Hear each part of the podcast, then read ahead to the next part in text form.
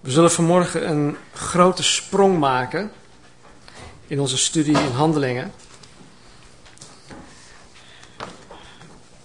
Romeo lacht al. Hij is sceptisch. nee, echt waar. We gaan echt een grote, een grote sprong maken. Ik ben erg ambitieus vanmorgen. Jullie zullen het zien. En ik zal het ook binnen de normale tijd houden. God zegt in Jesaja 55, 8 en 9: Mijn plannen zijn niet dezelfde als die van u. En mijn gedachten zijn niet uw gedachten. Net zoals de hemelen hoger zijn dan de aarde, zo zijn mijn wegen hoger dan die van u. Evenzo zijn mijn gedachten hoger dan de uwe. Weet je, wij zitten als mens van vlees en bloed niet op dezelfde golflengte met God. Als ik niet door Gods Heilige Geest geleid word, of als God het mij niet openbaart, als God het mij niet uh, geeft, als Hij mijn verstand, mijn ogen, mijn hart niet opent, dan gaat heel veel van wat God mij probeert duidelijk te maken langs me heen. Wij zitten niet op dezelfde golflengte. God is eeuwig. Hij staat buiten de tijd. En hij ziet het begin en hij ziet het eind van mijn leven hier op aarde. Hij ziet alles. Daarom weet hij ook alles van mij. Ik ben tijdelijk van aard. En ik zie alleen datgene achter mij ligt en datgene dat op dit moment gebeurt. Dus ik ben zeer beperkt. En omdat God eeuwig is, omdat hij alwetend is, hij weet alles, alomtegenwoordig, hij is overal, hij is almachtig, hij kan alles. Omdat hij dit is, gaan zijn gedachten, zijn plannen, zijn wegen mij ver te boven. Dus God heeft als voordeel over mij dat hij alles weet. Dat hij alles kan.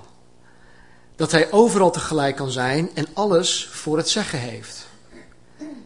Nou, dat feit zou voor mij best wel eng kunnen zijn. Was het niet dat God ook liefde is? Want stel je voor dat, God, dat we een God dienen die alles, alles weet, alles kan, overal tegelijk kan zijn, die het voor het zeggen heeft, maar die geen liefde toont of die niet liefde is. Dan zouden wij een hele andere God dienen. Maar het is voor mij niet eng. Want God is liefde. De Bijbel zegt in 1 Johannes hoofdstuk 4, God is liefde. En de liefde wordt omschreven in 1 Korinthe 13 als volgt. De liefde is geduldig. De liefde is vriendelijk. De liefde is niet jaloers. Ze doet niet gewichtig, is niet trots. Ze kwetst niet, is niet egoïstisch. Voelt zich nooit beledigd. Ze neemt niemand iets kwalijk. Ze is niet blij met onrecht, maar juist met de waarheid. De liefde beschermt altijd, heeft altijd vertrouwen. Het houdt stand. Aan de liefde komt nooit een einde. Dit is uit het boek. Dus als God is zoals de Bijbel hem hier omschrijft, dan werkt het alleen maar in mijn voordeel als ik mijn leven onder zijn beheer breng als Jezus Christus dan mijn Heer is. In hedendaagse termen zou je het zeggen dat, hè, dat ik het onder zijn management breng. Maar ja, als je, als je aan management denkt, dan, dan heb ik geen hoge dunk van de management van vandaag. Dus dat wil ik niet, eigenlijk niet eens noemen.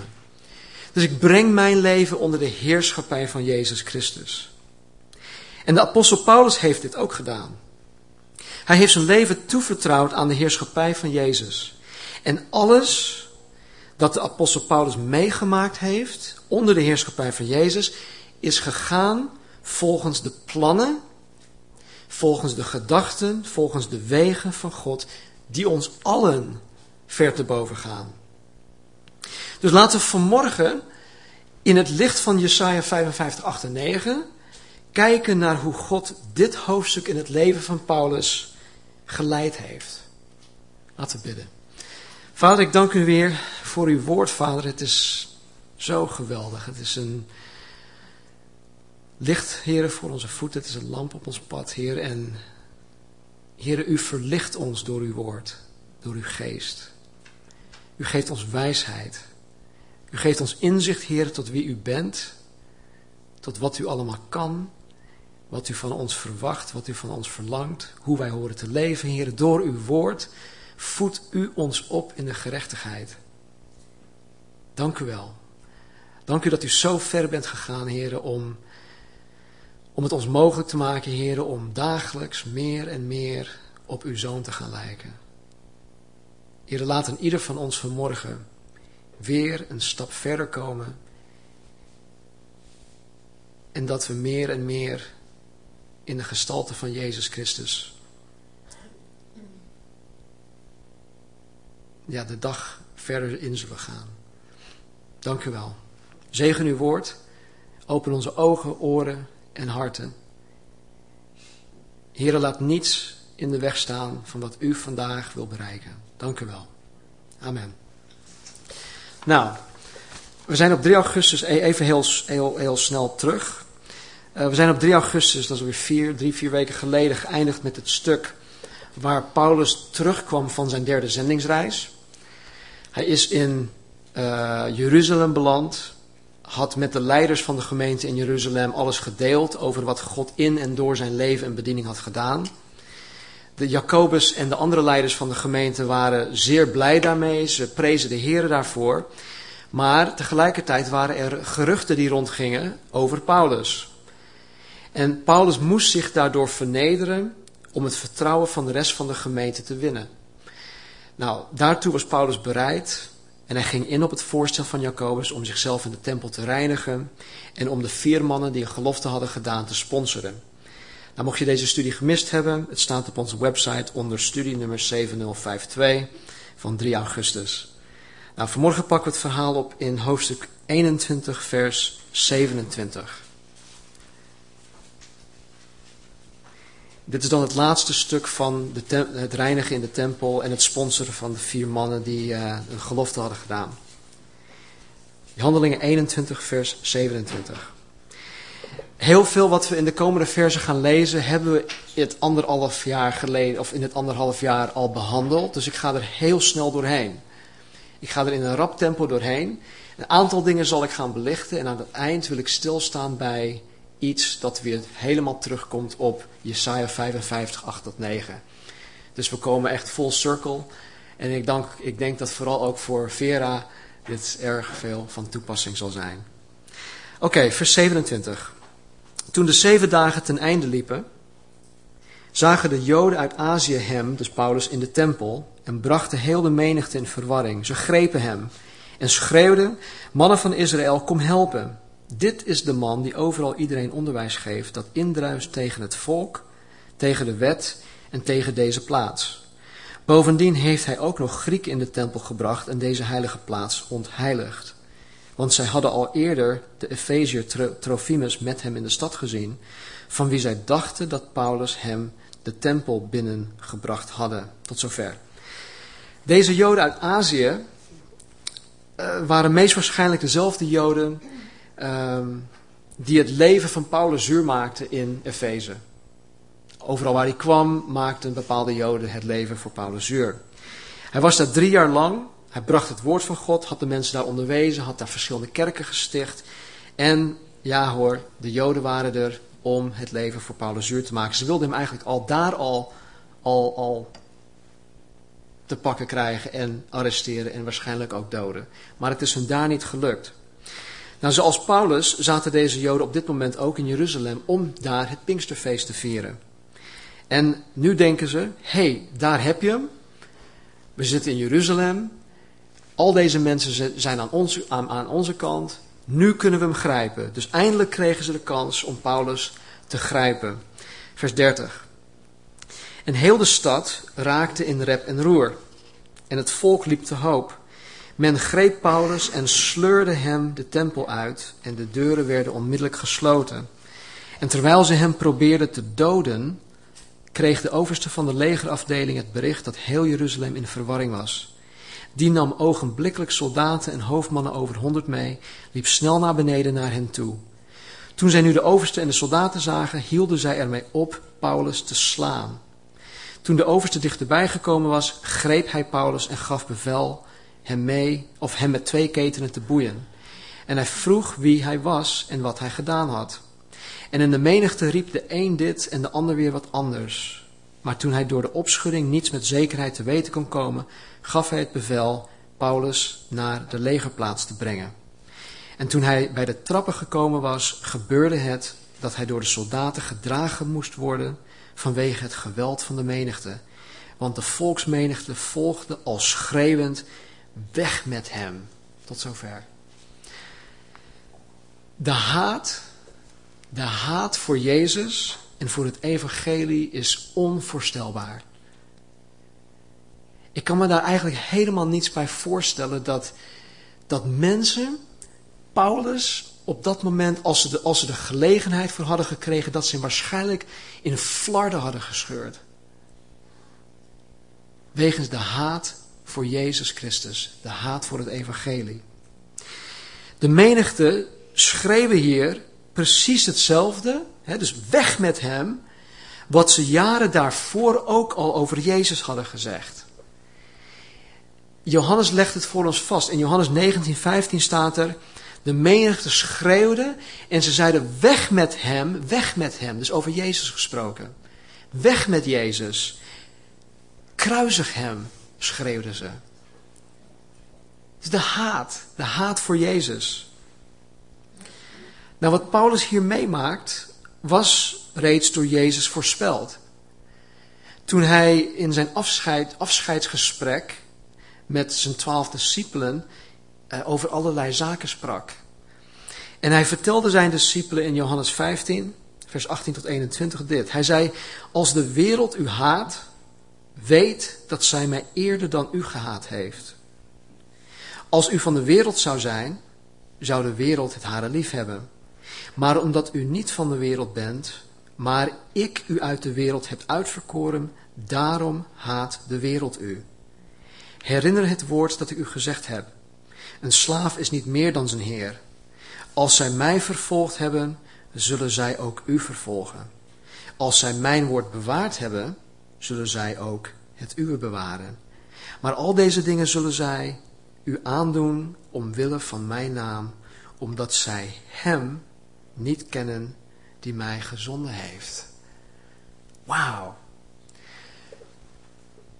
Dit, wat Jezus hier omschrijft, geldt vandaag de dag nog steeds, anno 2008.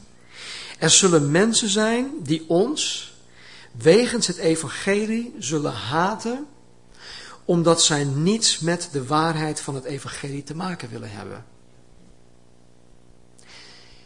In Johannes hoofdstuk 3 spreekt Jezus met Nicodemus, een religieuze leider van zijn dag, een hele vrome man. Daar krijg je Johannes 3 vers 16 van. al zo heeft God de wereld lief gehad. Nou, jullie kennen die vers. Er staat er even verder staat er dat, het, dat mensen niet tot het, het licht is in de wereld gekomen, Jezus Christus, maar mensen wilden niet tot het licht komen omdat hun werken, hun gedrag, hun gedachten, hun hele levenswijze duister was of is. Dus wegens hun duister, hun fout gedrag, hun foute denkwijze, hun foute verlangens, willen ze dus niet tot het licht komen. En als ik in zo'n plaats kom waar allerlei duistere dingen gebeuren en ik kom daar met het licht van jongens luister.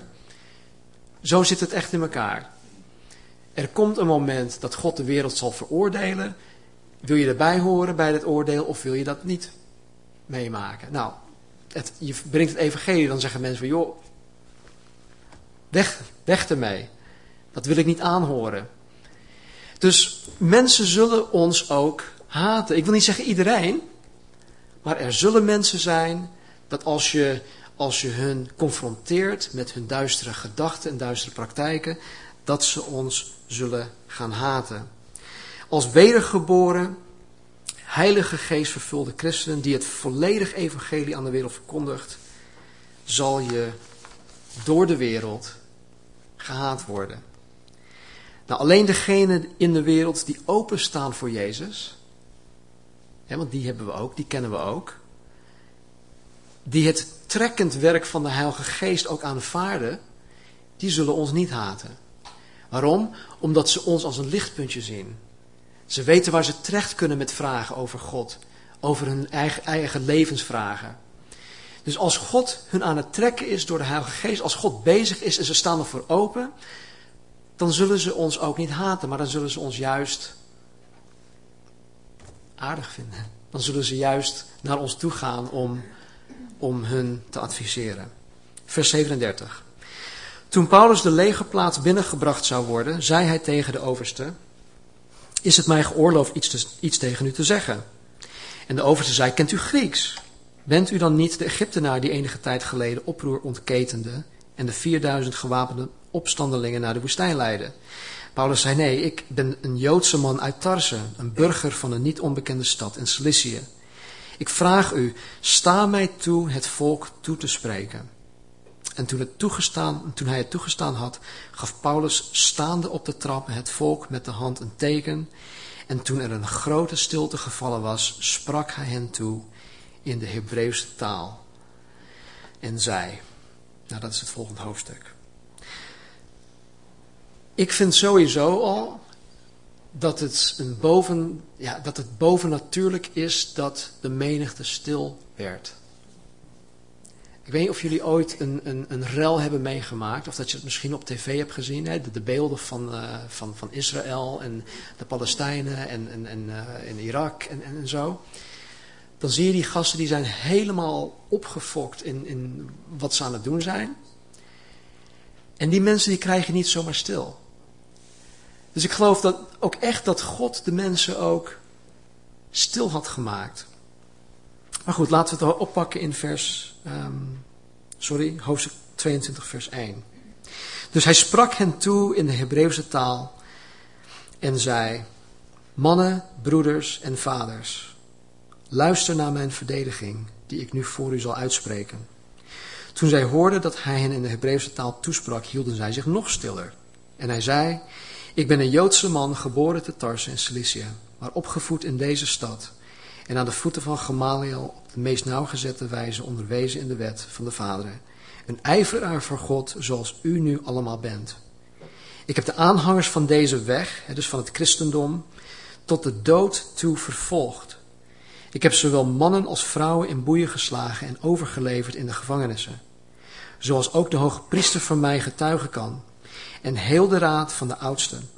Ik kreeg van hen zelfs brieven voor de broeders mee en ben daarmee naar Damascus gereisd om ook hen die daar waren, de christenen, geboeid naar Jeruzalem te brengen, opdat ze gestraft zouden worden.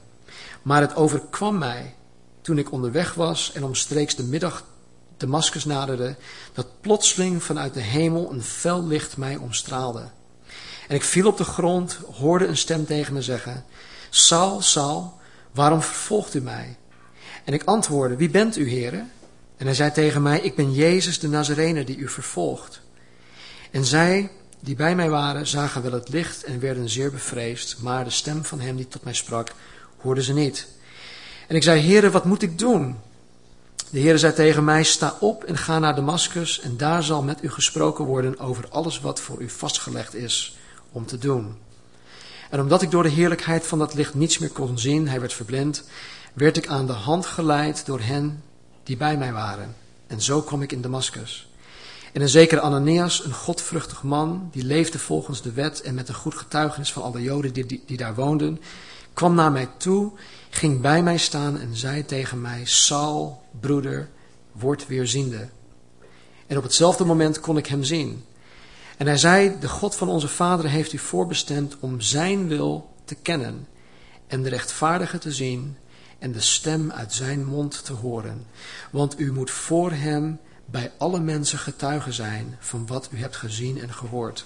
En nu, waarom aarzelt u? Sta op, laat u dopen en uw zonde afwassen onder aanroeping van de naam van de Heere. En het overkwam mij, toen ik in Jeruzalem teruggekeerd was en in de tempel bad, dat ik in geestvervoering raakte. En dat ik Jezus zag en hij zei tegen mij, haast u en ga snel uit Jeruzalem weg want ze zullen uw getuigenis over mij niet aannemen. En ik zei, heren, ze weten dat ik hen die in u geloofden in de gevangenis wierp. En in de, in, de synagoge liet gezelen.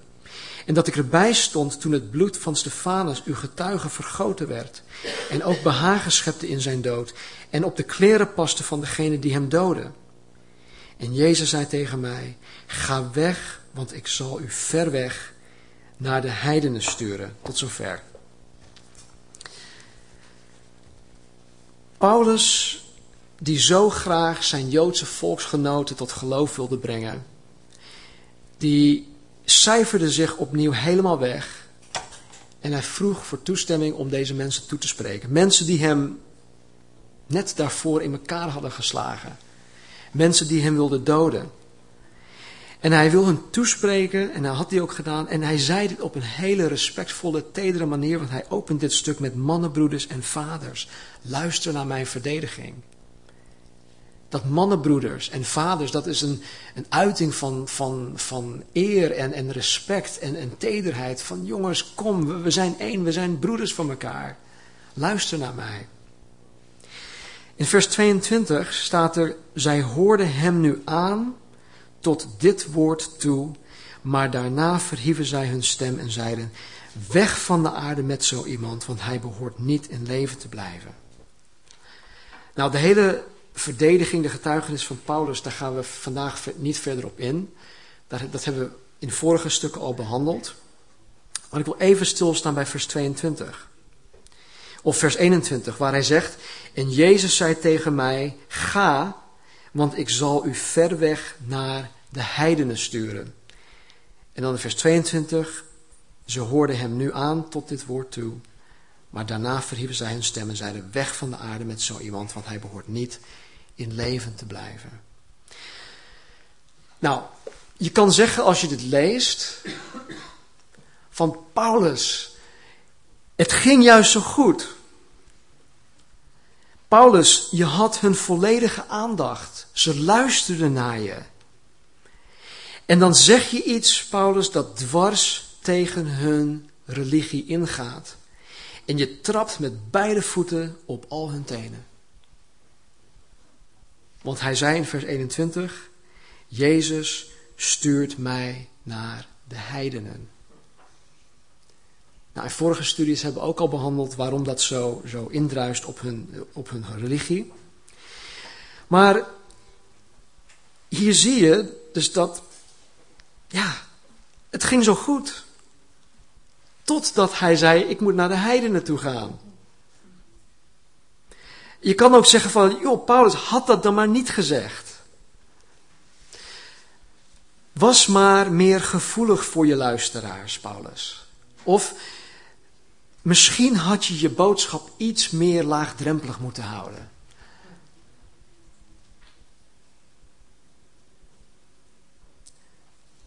Laten we verder lezen.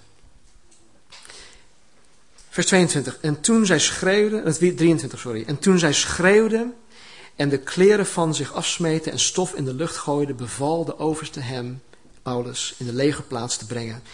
En hij zei dat men hem onder gezeling moest verhoren, om aan de weet te komen waarom zij zo tegen hem tekeer gingen. En terwijl men hem met de riemen in gestrekte houding vastbond, zei Paulus tegen de hoofdman over honderd die erbij stond, is het, is het u geoorloofd een Romein te gezelen en dat nog wel onveroordeeld? Toen de hoofdman over honderd dat gehoord had, ging hij naar de overste en berichtte het hem. Hij zei, pas op wat u gaat doen, want deze man is een Romein. En de overste ging naar hem toe en zei tegen hem, vertel, zeg mij, bent u een Romein? En Paulus zei ja. En de overste antwoordde, ik heb dit burgerrecht voor een groot bedrag verkregen. En Paulus zei, maar ik ben het zelfs door geboorte. Meteen lieten zij die hem zouden verhoren hem verder ongemoeid. ongemoeid. En ook de overste werd bevreesd toen hij besefte dat hij een Romein was en dat hij hem had laten vastbinden. Nou, de overste had blijkbaar niet kunnen verstaan wat Paulus in het Hebreeuws tegen de menigte had gezegd. Het enige dat hij nu waarneemt is dat de menigte Paulus opnieuw wil doden.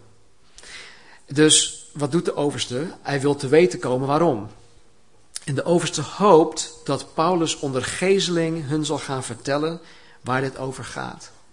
die gezeling, dat is geen pretje. Dat is dat je vastgebonden wordt met, met, met, met leren riemen in een gestrekte houding. Dan wordt je rug opengeslagen met een, met een uh, whip, wat is dat? Een, uh, een zweep. Met losse striemen leer, waarin of bot of metaal of steentjes in zitten. En dat wordt dan, net als met Jezus, jullie hebben waarschijnlijk ook de Passion of the Christ gezien. Nou, hetzelfde proces. Daar wilden ze Paulus um, ja, onder, mee onder druk zetten, zodat hij ging praten. Want ze wilden het te weten komen waar dit allemaal over ging. Maar Paulus kent zijn burgerrechten als Romein zijnde. En hij laat hen duidelijk weten dat hij Romein is. Hij zegt, jongens, mag dit wel? Even tussen haakjes. Waar zijn jullie mee bezig? En dan zegt hij uh, tegen de overste van, uh, hey, pas op, want hij is een Romein. Nou, verschillende mensen kunnen, eh, kunnen dat gewoon roepen. Van, even jongens, time out, ik ben een Romein, je mag me aanraken. Maar ook daarvoor geldt de doodstraf. Als Paulus daar loog, dan had hij alsnog de doodstraf gekregen. Maar goed, Paulus kon bewijzen dat hij Romein was. En dat is hem niet overkomen. Dus de reden waarom de overste bevreesd werd, was omdat deze, deze actie van hun gevolgen zou kunnen hebben voor zijn carrière. Als hij onrechtmatig een Romein had vastgebonden en gegezeld, dan zou het waarschijnlijk zijn carrière en misschien in zijn geval ook zijn burgerrecht had kunnen kosten. Vers 30. En omdat hij precies wilde weten waarvan hij door de Joden beschuldigd werd, liet hij de volgende dag zijn boeien losmaken en gaf hij dus de overste bevel dat de overpriesters en heel hun raad bijeen moesten komen. En hij bracht Paulus naar beneden en plaatste hem voor hen. Dus in, in dat dialoog tussen de overste en Paulus kwam niet echt uit wat, wat hij wilde. Dus hij wilde de, de raad, de religieuze raad die daarover ging, wilde hij bijeenroepen, heeft hij ook gedaan. En hij stelde Paulus voor de raad en zegt, jongens, kom op, waar gaat het nou eigenlijk over? Laten we dit gewoon duidelijk maken. En dan pak het op in vers, hoofdstuk 23, vers 1.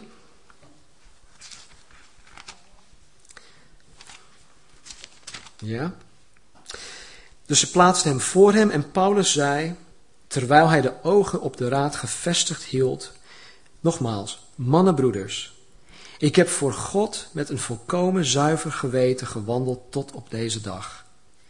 Maar de hoge priester Ananias gaf aan, gaf aan hen die bij hem stonden opdracht hem op de mond te slaan. Toen zei Paulus tegen hem, God zal u slaan, witgepleisterde wand. Met andere woorden, God zal jou slaan, uh, huigelaar of uh, hypocriet. Zit u hier om een oordeel over mij uit te spreken, overeenkomstig de wet, en geeft u bevel tegen de wet in mij te slaan? En degenen die daarbij stonden zeiden, scheldt u de hoge priester van God uit? Toen zei Paulus, sorry, ik wist niet, broeders, dat het de hoge priester was. Want er staat geschreven, u mag geen kwaad spreken over de leider van uw volk. En Paulus, die wist dat het ene deel van de raad bestond uit Sadduceeën en het andere uit Fariseeën, riep in de raad: Mannenbroeders, ik ben een Fariseer, een zoon van een Fariseer. Ik word geoordeeld over de hoop en de opstanding van de doden. En toen hij dat gezegd had, ontstond er oneenigheid tussen de Fariseeën en de Sadduceeën, en de menigte raakte verdeeld. De Sadduceeën zeggen namelijk dat er geen opstanding is en geen engel of geest, maar de fariseeën beleiden het beide. En er ontstond luid geschreeuw en de schriftgeleerden van de partij van de fariseeën stonden op en betoogden fel, wij vinden geen kwaad in deze man. En als er een geest tot hem gesproken heeft of een engel, laten we dan toch niet tegen God strijden. En toen er grote oneenigheid ontstond, gaf de overste, die bevreesd was dat Paulus door hen verscheurd zou worden, bevel dat er een afdeling soldaten naar beneden moest gaan om Paulus met geweld uit hun midden weg te halen en naar de legerplaats te brengen. Tot zover.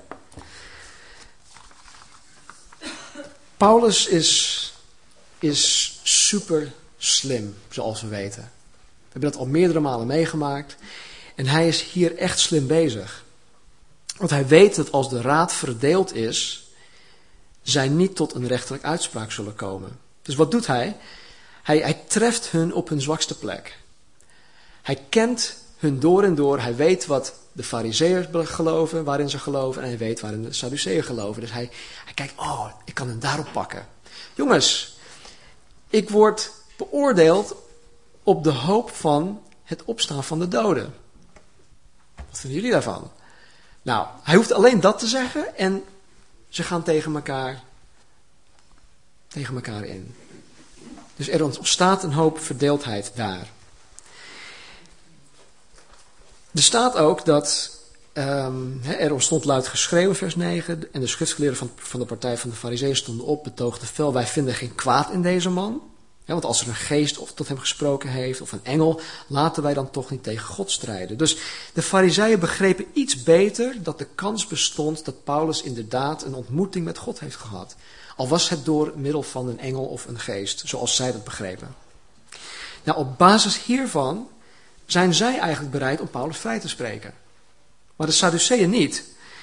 Want er staat hier in vers 10, en toen een grote oneenigheid ontstond, gaf de overste, die bevreesd was dat Paulus door hen verscheurd zou worden, bevel dat er een afdeling soldaten naar beneden moest gaan om Paulus met geweld uit hun midden weg te halen en naar de legerplaats te brengen.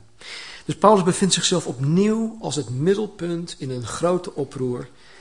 En hij moet hier door het leger beschermd worden. Eén man. En hij was zelfs niet eens zo'n grote man. De historie, of de, buitenbijbelse boeken zeggen dat hij een, een man van een kleine gestalte was. Een klein mannetje. Nou, nu tot slot. Ik zei toch dat we hier snel doorheen zouden gaan? Vers 11. De volgende nacht nu stond de Heer bij hem en zei: Heb goede moed, Paulus, want zoals u in Jeruzalem van mij getuigd hebt, zo moet u ook in Rome getuigen. Lucas, de schrijver, laat ons niet weten wat er op dit moment in Paulus omgaat. Hij geeft ons geen details. Maar ik kan me voorstellen dat Paulus best wel ontmoedigd was op dit moment, op dit punt. Want hier was hij dan in Jeruzalem. Eindelijk kreeg hij zijn grote kans om zijn Joodse broeders en zusters het evangelie te verkondigen. Deed hij ook. Maar wat gebeurt er? Zowel het, Joods, zowel het Joods volk als de Joodse leiders willen er niets van weten. Sterker nog, ze willen hem gewoon vermoorden. Dus er was geen succesvolle evangelisatiecampagne voor Paulus. Jezus zei vele jaren daarvoor al tegen Paulus dat Jeruzalem zijn getuigenis niet zou aannemen. En dat bleek toen al, en dat, dat blijkt nu nog steeds. Lucas zegt hier niks over mensen die tot geloof waren gekomen. Hij zegt alleen maar dat, ze Paulus wilden vermoorden. Dus Paulus, die ontmoedigd was, die zichzelf misschien ook voor zijn kop sloeg, werd wederom persoonlijk door de Heer bemoedigd. De laatste keer was in Korinthe. Toen hij in Korinthe was en de Heer tot hem kwam op die avond en zei: Paulus, wees niet bevreesd, maar spreek, verkondig het evangelie, want ik ben met je en ik heb veel mensen in deze stad. Ga vooral zo door, Paulus. En dat zegt hij hier ook weer. Jezus zegt tegen Paulus: heb goede moed. Er staat letterlijk ik weet niet of jullie het interessant vinden, maar het duratief aspect van het woord, vorm, bla bla bla, betekent dat je blijde moed moet blijven houden. Hè, of blijf goede moed houden. En Jezus zegt dit niet omdat ja, Paulus niet ontmoedigd was. Hij zegt het blijkbaar omdat hij juist wel ontmoedigd was. En dan geeft Jezus de reden aan waarom Paulus de moed erin moet blijven houden. Jezus zegt, want zoals u in Jeruzalem van mij getuigd hebt, zo moet u ook in Rome getuigen. Nou, even een paar vragen. Had Paulus van Jezus getuigd in Jeruzalem? Betekent het getuigen van Jezus niet altijd dat mensen tot geloof komen? Dat idee heb ik wel. Ik heb het idee dat als ik getuig of getuige ben, dat mensen tot geloof gaan komen. Daar doe je het voor. Had Paulus dan getuigd? Was hij getuige? In alle andere plaatsen waar Paulus getuigde, kwamen mensen tot geloof. Maar hier komt niemand tot geloof. Is er dan wel is er dan wel sprake van getuigen? Of is er dan wel sprake van getuigen zijn? Nou, volgens Jezus wel. Paulus, en dit is, dit is heel belangrijk. Paulus is met een zuiver geweten in alle oprechtheid, in alle nederigheid, in alle gehoorzaamheid naar Jeruzalem toegekomen. Hij heeft gehandeld naar de leiding van de Heilige Geest en Gods Woord. De Geest en het Woord bracht Paulus naar Jeruzalem. Dus Paulus, die een zuiver geweten heeft, die oprecht nederig en gehoorzaam met de Heer wandelt, die zich door de Heilige Geest laat leiden, die zich door het woord van God laat bepalen, is in de ogen van Jezus absoluut een getuige. Punt uit. Geen discussie. En zo zegt Jezus, Paulus, zoals je in deze zaken mijn getuige bent, hier in Jeruzalem, zo zal je ook in Rome mijn getuige zijn. Er staat in, 9, in hoofdstuk 19, vers 21 dat Paulus zich door de Heilige Geest voornam om A naar Jeruzalem te gaan en B dat hij naar Rome moest gaan. Hij zegt, ik moet Rome zien. Ik moet Rome zien. Dat had hij in zijn hart voorgenomen. Dat had God waarschijnlijk op zijn hart gelegd. De Heilige Geest had dit van tevoren in zijn hart gelegd. Tijdens zijn tweede zendingsreis, toen hij in Korinthe was. En hij schreef ook de brief aan de Romeinen. En hij zegt aan het begin van de brief aan de Romeinen, toen hij in Korinthe was tijdens zijn tweede zendingsreis, hij zegt, steeds weer vraag ik in mijn gebeden of mij zo mogelijk door de wil van God eens een goede gelegenheid geboden zal worden om naar u toe te komen. Met andere woorden, misschien laat God het toe dat ik naar Rome kan gaan. Ik wil zo graag. Ik wil zo graag naar jullie toe. Nou, denk even terug aan waarmee we, begonnen waren. God zegt, mijn plannen zijn niet dezelfde als die van u.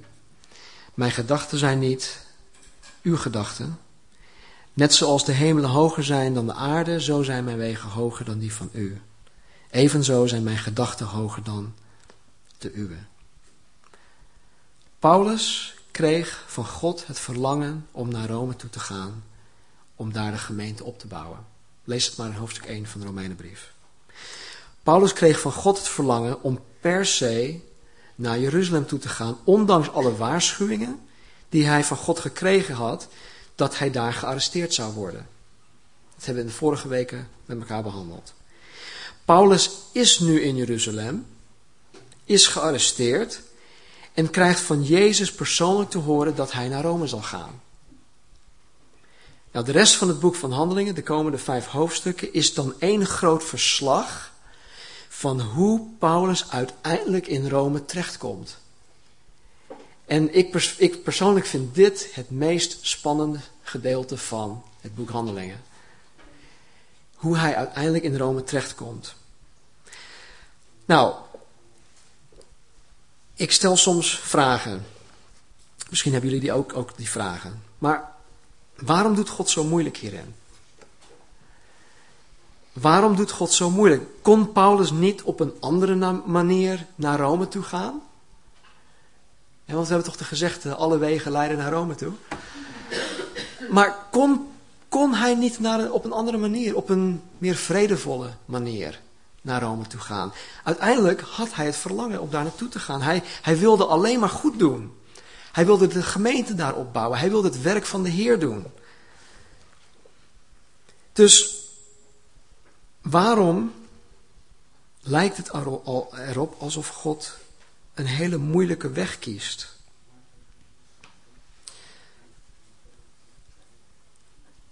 Als je het antwoord wil weten, of te weten wil komen op de vraag waarom God zo moeilijk blijkt te doen, dan moet je de rest van handelingen bestuderen. Dat kan je zelf doen. We doen het hier ook samen. Want ik weet dat wanneer wij tot het eind van het boek gekomen zijn, dan zullen we stuk voor stuk en ook gezamenlijk als gemeente met enorme bewondering en ontzag voor God staan, omdat Hij ons iets zal laten zien van Zijn hogere plannen, Zijn hogere gedachten, Zijn hogere wegen. En zoals de Heer ons elke keer al heeft ontmoet in onze studie, zal Hij ons tijdens onze studies van, het laat, van de laatste hoofdstukken opnieuw ontmoeten. En wanneer wij God in de schriften ontmoeten, dan zullen wij Hem vanuit ons hart ook spontaan willen aanbidden. Dus vandaag krijg je misschien niet het antwoord op de vraag waarom God zo moeilijk lijkt te doen. En ik weet dat een ieder van ons ook in situaties zitten, in omstandigheden, sommige die ook best wel moeilijk zijn, sommige die op dit moment heel erg moeilijk zijn om te begrijpen. En dan hebben we misschien zoiets in ons hart, of in zo'n gedachte van, God, waarom, waarom moet het zo moeilijk? Waarom kan het niet op een andere manier? Waarom moet het per se op deze manier gaan? En als we daardoor heen kunnen komen, als we vooruit kunnen kijken naar morgen, overmorgen, volgende week, volgende maand, volgend jaar, als we zelfs verder kunnen blikken tot in de eeuwigheid. Sorry.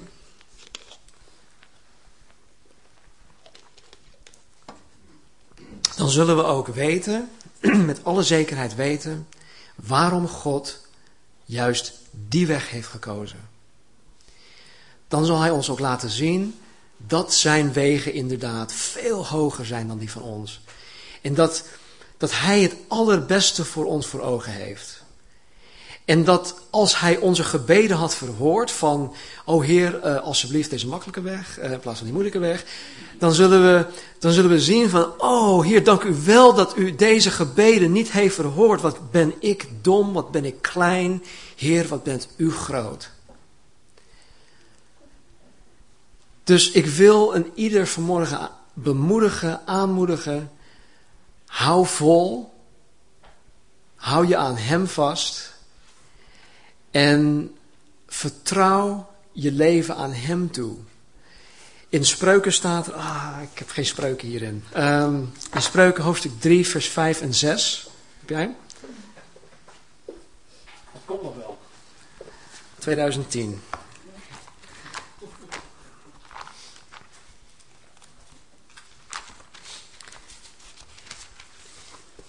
Er staat iets heel moois.